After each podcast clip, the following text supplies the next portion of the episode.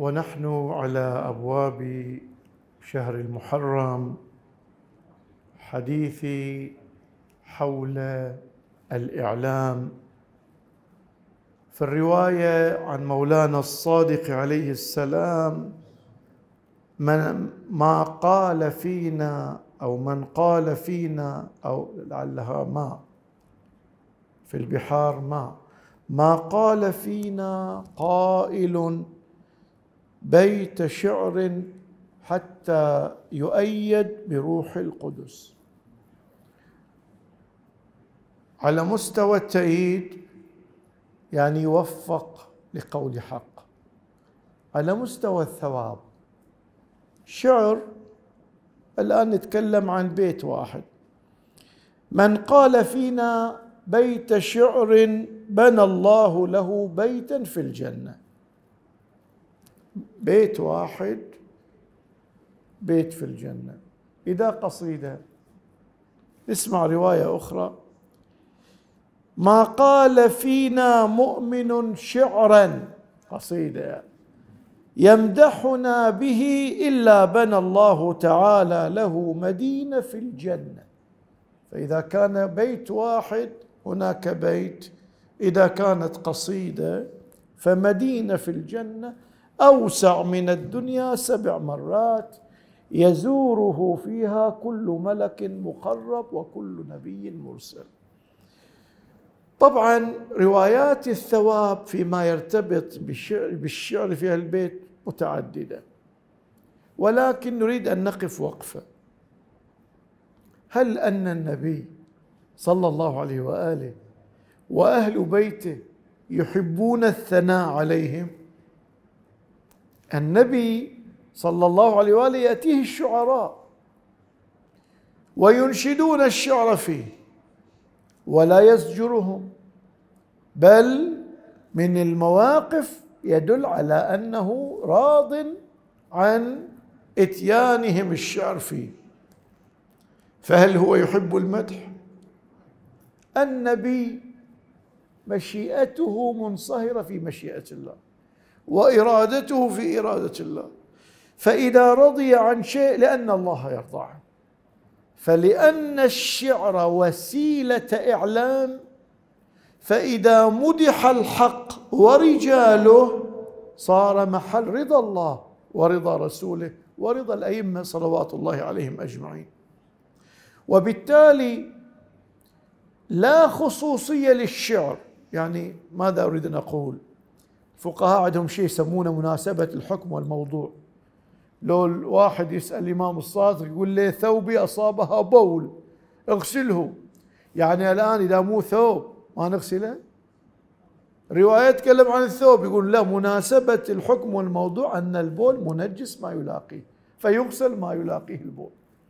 هنا النبي والروايات اللي تكلم عن أهل البيت فيما يرتبط بثواب الشعراء لأن الشعر كان في ذلك الوقت هو الأسلوب المتميز في الإعلام. وبالتالي لا يفهم من هذه الروايات الخصوصية للشعر. يعني لو واحد يسوي إعلام بما يناسب العصر الذي نحن فيه بغير الشعر ما له ثواب؟ له ثواب. وله ما روي. لأنه لا خصوصية للشعر إنما كان وسيلة إعلام في ذلك الزمن. وبالتالي فالوسائل المستجدة قد تكون تأثيرها أكبر. والإسلام لا يقف يعني بعض المتشددين إذا مات لهم ميت كتبوا على كفنه إسماعيل يشهد كما يقول شيء المطهري. لماذا إسماعيل يشهد ولدهم اسمه جعفر وخليل لأن الإمام الصادق كتب على كفن ولد إسماعيل إسماعيل يشهد. ولد اسم إسماعيل. ما نقف عند هذه المفردة.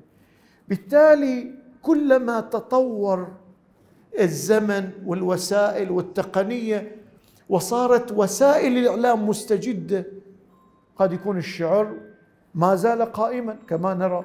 لكن هناك وسائل أخرى تأثيرها أكثر. واحد يقول أنا حيف يعني خسارة مو شاعر. أنت الآن تقدر تصير إعلامي. تصير إعلامي لأهل البيت. ما عندي أفكار ما عندك الفكرة. لكن تستطيع أن تقتبس الفكرة من عالم وتكون وسيلة ترويج. كم عندك متابعين؟ تقدر من خلال متابعينك تروج للفكره إحنا حينما نسمع روايات الشعر راسا ينسبق لذهننا شعر المصيبة. شعر المصيبة. لأن هذا اللي نعيشه في الموسم أنه نعيش مصيبة أهل البيت. بينما الرواية تقول يمتدحونه هاي اللي قريناها قبل قليل. وجاء الفرزدق ومدح الإمام زين العابدين. ما جاب مصيبة.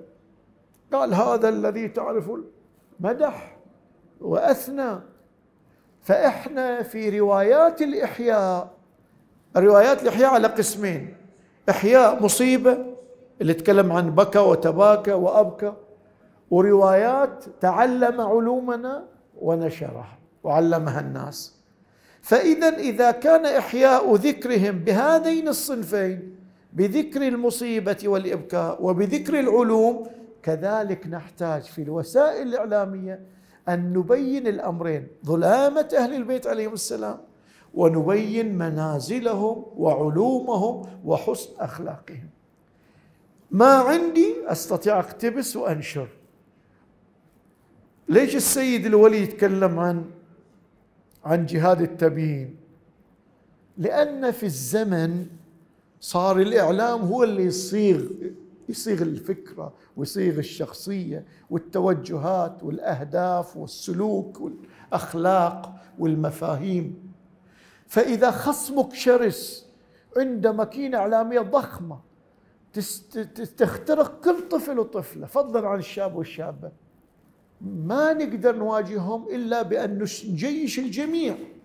الكل يشتغل فيما يمكنه أن يفعل. نجي للسلوكيات منحرفة. نجيب سيرة أهل البيت في مواجهة هذه السلوكيات. سلوكهم العملي في مواجهة هذا التحلل. هذا إعلام لأهل البيت إعلام للحق. كما قلت في البداية أن الإعلام ليس ثناء على النبي صلى الله عليه وآله في حد نفسه بل هو ثناء على الحق والنبي حق معصوم. بالتالي حينما نريد أن نروج للحق ونواجه الباطل وأهل الباطل لابد أن نرتبط بأهل البيت علما. كما أن العلم هذا ناغي به العقول كذلك المظلومية نناغي به القلوب. فالمظلومية والمعرفة إذا اجتمعا نفذ إلى شخص الإنسان في عقله وقلبه وصار مؤثرا. والفكرة التي تكون بلا عاطفة تأثيرها ضعيف. أما التي تمزج بالعاطفة يكون فاعلة. تساعات الفكرة تحبها لأن تحب فلان صاحبها. مجرد تنقلب عليه تقول هذا أفكارك له هراء أنت كنت تدافع. لأن القلب شغلك فإذا كنا نستطيع أن نوظف وسائل الاعلام على مستوى العاطفة ونربط الناس بأهل البيت في جمال سلوكهم وفي مظلوميتهم ثم نفتح العقول لينظروا ماذا كانت سيرتهم وما هي كانت أهدافهم وكيف بذلوا وجاهدوا وتعبوا من أجل أن يصل الينا هذا الدين. وأن علينا أن نحمل مسؤوليه حينئذ نستطيع أن نكون مثمرين في هذا الموسم العظيم الذي ينتظرنا. والحمد لله رب العالمين وصل اللهم على محمد وآله الطاهرين.